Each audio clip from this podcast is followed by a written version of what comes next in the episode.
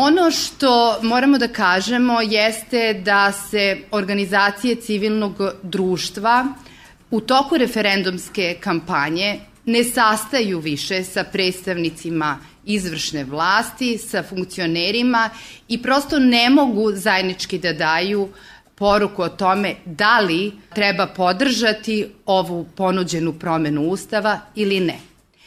Zakon o referendumu i narodnoj inicijativi to ne dozvoljava. Dakle, zabranjeno je funkcionerima da navode zapravo na to da li za promenu Ustavu treba glasati za okruživanjem da ili ne. Zato smo mi danas ovde da predstavimo pre svega građanima šta se u Ustavu menja. Nažalost, promena Ustava je u Srbiji postala stranačko pitanje. Ona jeste političko pitanje, ali zbog situacije u parlamentu i bojkota ona je postala stranačko pitanje. Zašto ovo kažem? U poslednje vreme mi imamo različite glasove koje idu ka građanima da se zaokruži da ili ne na referendumu 16. januara. I ove poruke su uglavnom dolazile od strane kako stranaka koje su na vlasti, tako i van parlamentarnih e, stranaka koje nisu postigle konsenzus o promeni Ustava. I na taj način građani su onemogućeni zapravo da razdvoje da li je promena Ustava stranačko pitanje ili je ono pitanje par excellence od društvenog značaja. Zato mi danas ovde predstavljamo mišljenje o tome šta se zapravo Ustavu menja.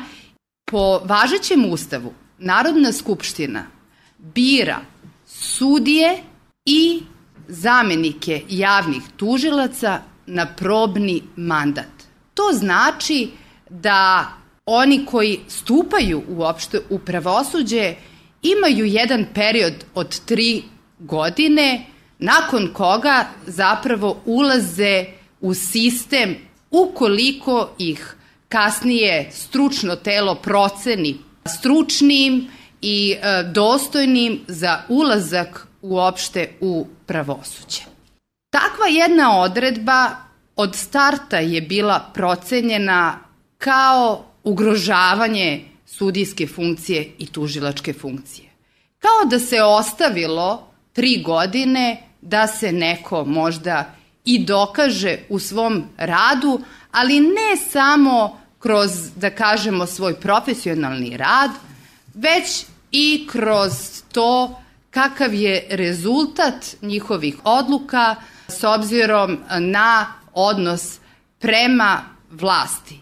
Jer ta stručna tela, Visoki savet sudstva i Državno veće tužilaca u svom sastavu imaju neke članove koji su pre svega političke figure.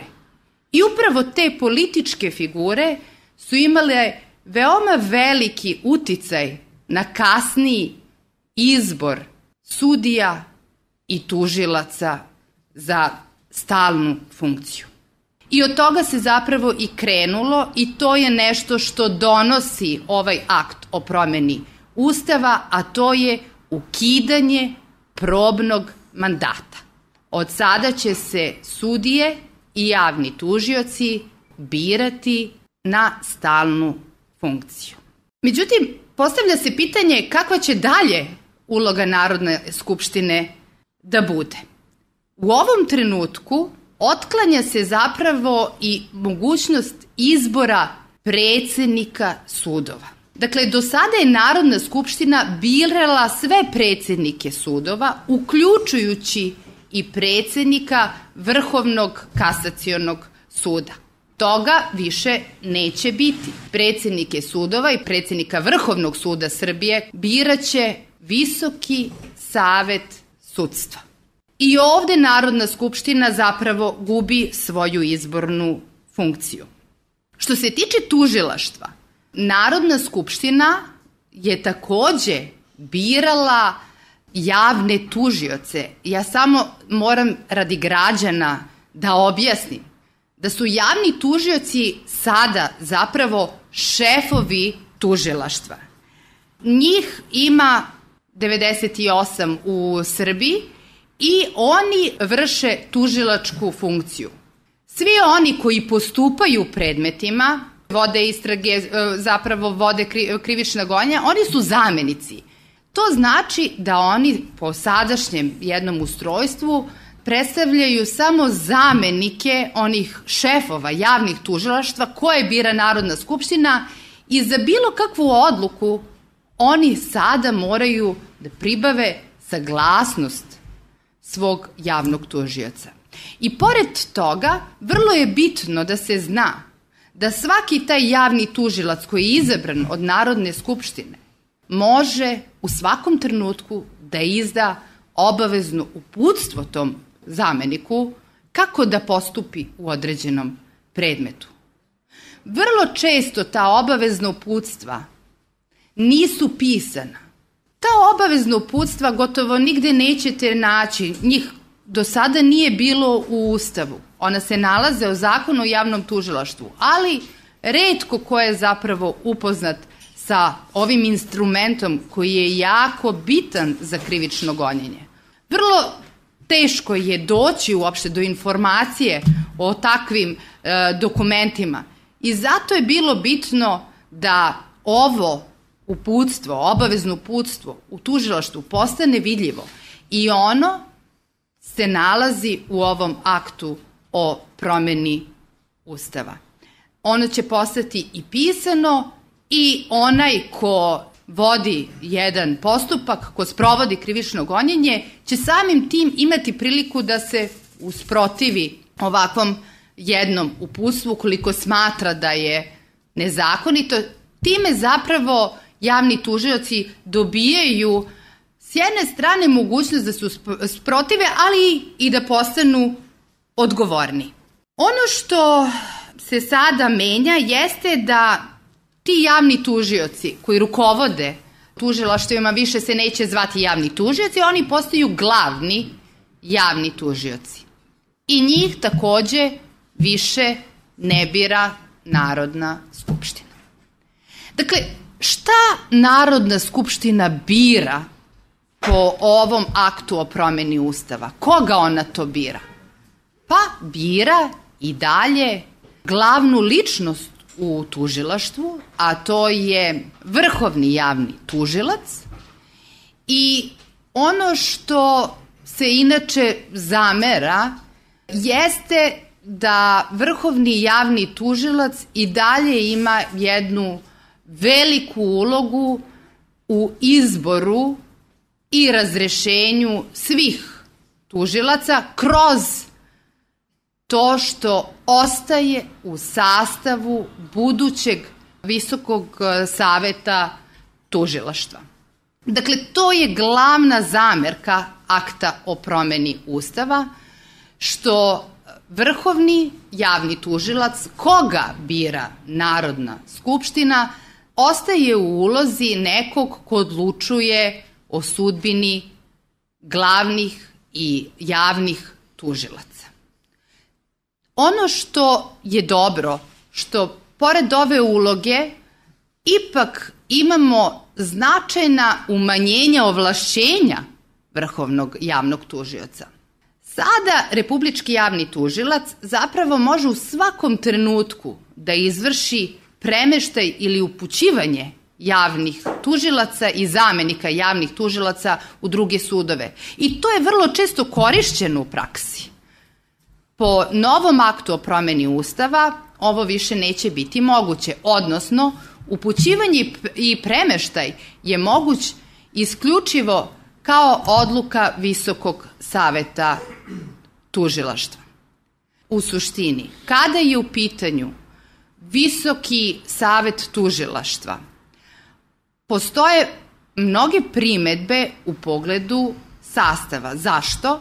Zato što Visoki savet tužilaštva e, u svom sastavu e, ima i dalje ministra pravde, kome su do duše smanjene ovlašćenja u odnosu na, na sadašnja, odnosno a, u pogledu disciplinske odgovornosti neće više imati nikakvu ulogu.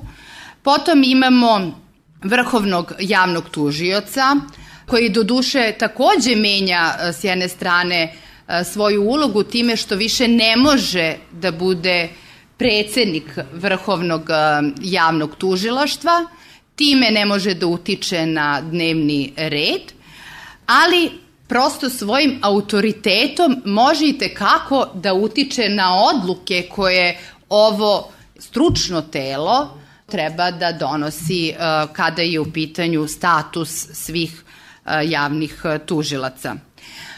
Potom, znači, imamo četiri javna e, tužioca koji e, su izabrani od strane javnih tužilaca i glavnih javnih tužilaca. Ono što je dobro jeste što više nemamo mogućnost da u ovom telu sede glavni javni tužioci, oni koji na, naročito utiču zapravo na krivična gonjenja i dalje, nego e, su to javni tužioci i time se zapravo omogućuje jedna bolja zastupljenost, široka zastupljenost javnih tužilaca e, u Srbiji koji bi trebalo takođe da zapravo donose odluke o svim javnim tužiocima. Ono čega više nema svakako jeste predstavnik Narodne skupštine. Danas u, i u jednom i u drugom telu sedi predsednik odbora nadležan za pravosuđe i poprilično takođe utiče svojim prisustvom na, na odluke koje se danas donose, više tog predstavnika Narodnih, Narodne skupštine nema. Ko ulazi takođe u sastav ova dva stručna tela, to su istaknuti pravnici. Kada su u pitanju istaknuti pravnici, oni e, su ljudi koji e, ne mogu da budu članovi političkih stranaka i to je dobro. Da, oni moraju da imaju 10 godina iskustva u e, struci, pravnoj struci, a ostalo se zapravo prepušta zakonu. Dakle, zakon treba da bude taj koji propisuje određene i dodatne uslove, prosto to Ustav dozvoljava, koji bi trebalo da onemogući e, s jedne strane da ti istaknuti pravnici koji će da budu birani od Narodne skupštine, dakle to je takođe upliv Narodne skupštine i dalje u, da kažemo, regulisanje statusa pravosuđa, dakle ti kriterijumi bi trebali da omoguće da kažemo da dobijemo u sastavu tih stručnih tela osobe zaista profesionalne i zaista osobe od integriteta. Tu se sad postavlja pitanje da li je zapravo Ustav po tom pitanju bio nedorečen. Zašto? Zato što je s jedne strane i dalje ostavio upliv Narodne skupštine, odnosno direktan politički uticaj u biranje istaknutih pravnika. Do sada smo imali argumente da za ove istaknute pravnike je potrebno da određene profesionalne organizacije kao što su Advokatska komora Srbije, Beograda, i druge, da kažemo, pravničke organizacije poput univerziteta, fakulteta, time, da kažemo, svojim dugotrenim postojanjem i integritetom omoguće da i ti istaknuti pravnici budu osobe od integriteta, međutim, to se nije desilo. Zašto se to nije desilo? Pa možemo malo da tumačimo iz prethodne prakse koje smo do sada imali, a to je da možda upravo ovim e, zakonodavnim telima zakonodavne vlasti, odnosno Narodnoj skupštini vladi, ne odgovaraju pre, predlozi ovakvih nezavisnih struka. Tako, na primer, u ovom sadašnjem sa, sastavu Visokog saveta sudstva i Državnog veća tužilaca još uvek nema predstavnika advokata. Iako je Advokatska komora Srbije e, u februaru e, ove godine e, izabrala dva lica, dakle Zora, advokat Zora Dobričanin je trebala da postane član Državnog veća tužilaca, a advokat Viktor Gostiljec je trebao da postane član Visokog saveta sudstva. Ove dve ličnosti kao predstavnici advokata e, nikada nisu izabrani od strane Narodne skupštine, što zapravo govori opet u prilog tome da Narodna skupština ne sme da ima ulogu uh, u izboru ovih uh, članova Visokog saveta sudstva i Državnog veća tužilaca, jer vrlo često svojim nečinjenjem, odnosno pasivnim držanjem, utiče na blokadu. Do sada je Narodna skupština uticala i na blokadu izbora predsednika sudova i na blokadu izbora javnih tužilaca i zaista smo dugo, dugo imali situacije da takvim jednim otporom Narodne skupštine da neke ljude izabere, pravosuđe uh, bude u jednoj fazi nestabilnom statusu. I dobro je što Narodna skupština isključivo ima ulogu sada u izboru istaknutih pravnika, I ukoliko to ne učini, a potrebno je čak 167 glasova za, znači 167 poslanika mora da glasa za da bi određeni istaknuti pravnik e, postao član e, budućeg visokog saveta sudstva ili visokog saveta tužilaštva. To znači da bi u situaciji gde imamo zastupljene stranke u parlamentu morao da bude postignut konsenzus oko tih istaknutih pravnika. Da je i tu blokada moguća, Ustav je predvideo i napravio je jedan sistem za deblokadu ukoliko Narodna skupština ne izabere ove istaknute pravnike.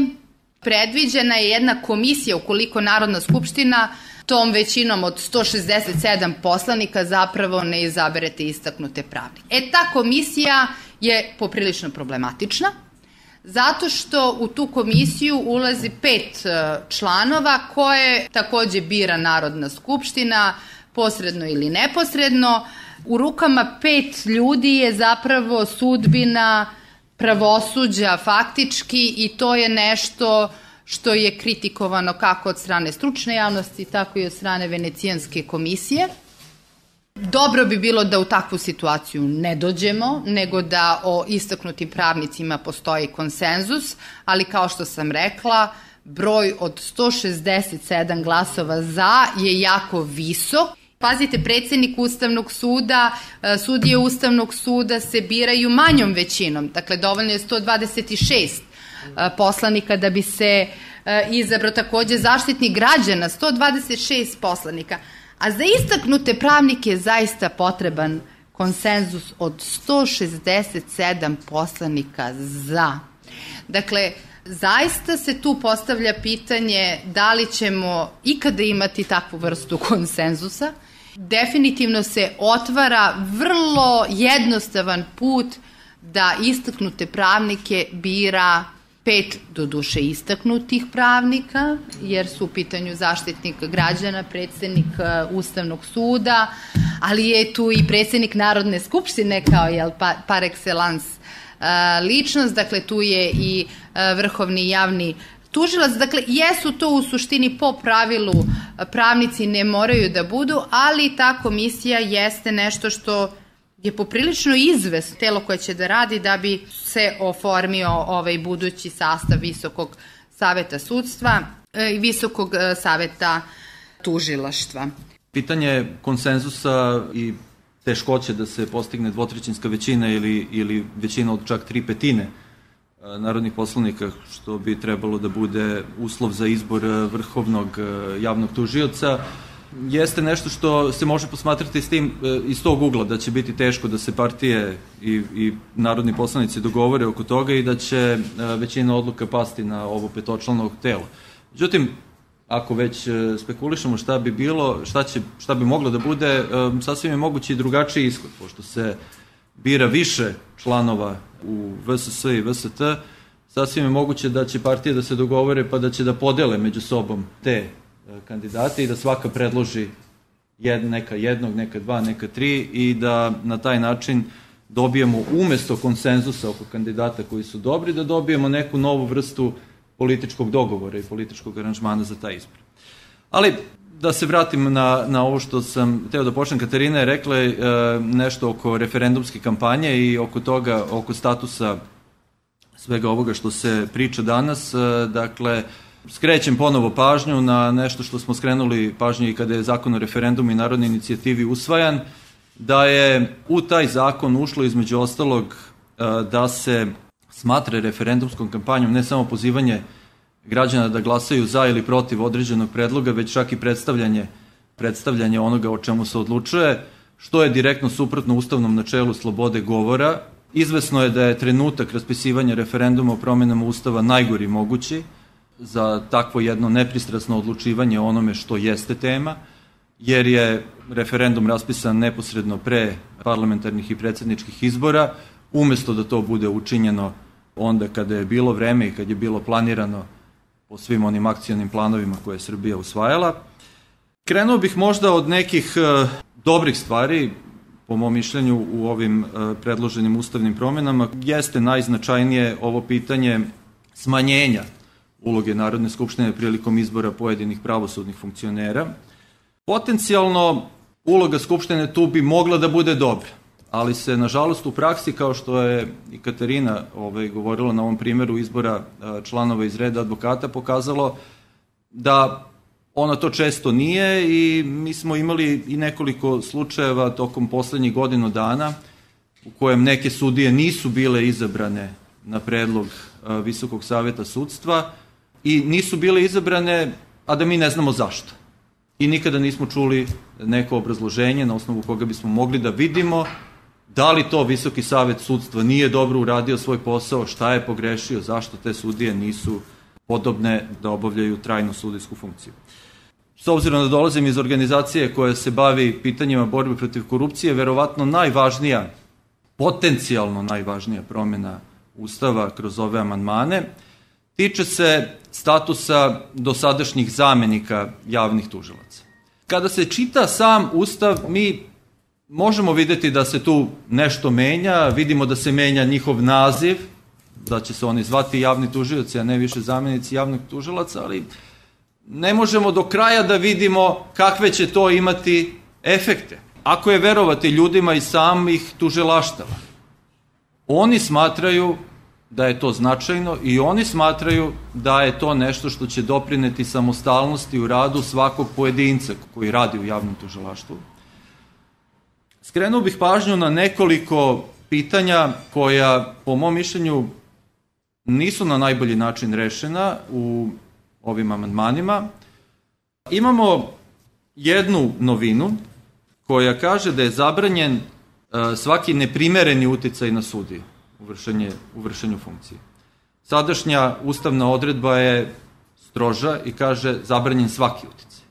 Ono što ne znamo u stvari je na koji način će ova norma biti operacionalizovana i hoće li uopšte biti operacionalizovana kroz uh, zakone i šta će biti sve podvedeno pod neprimereni uticaj, a šta je nešto što će biti deo, da kažemo, dozvoljene, opravdane kritike, koje mogu imati pripadnici javnosti, recimo ukažu na to da se neki postupci od vode previše dugo ili da po oceni nečijoj odluka u konkretnom slučaju nije bila pravilna. Dakle, hoće li se i to smatrati neprimerenim uticajem ili neće.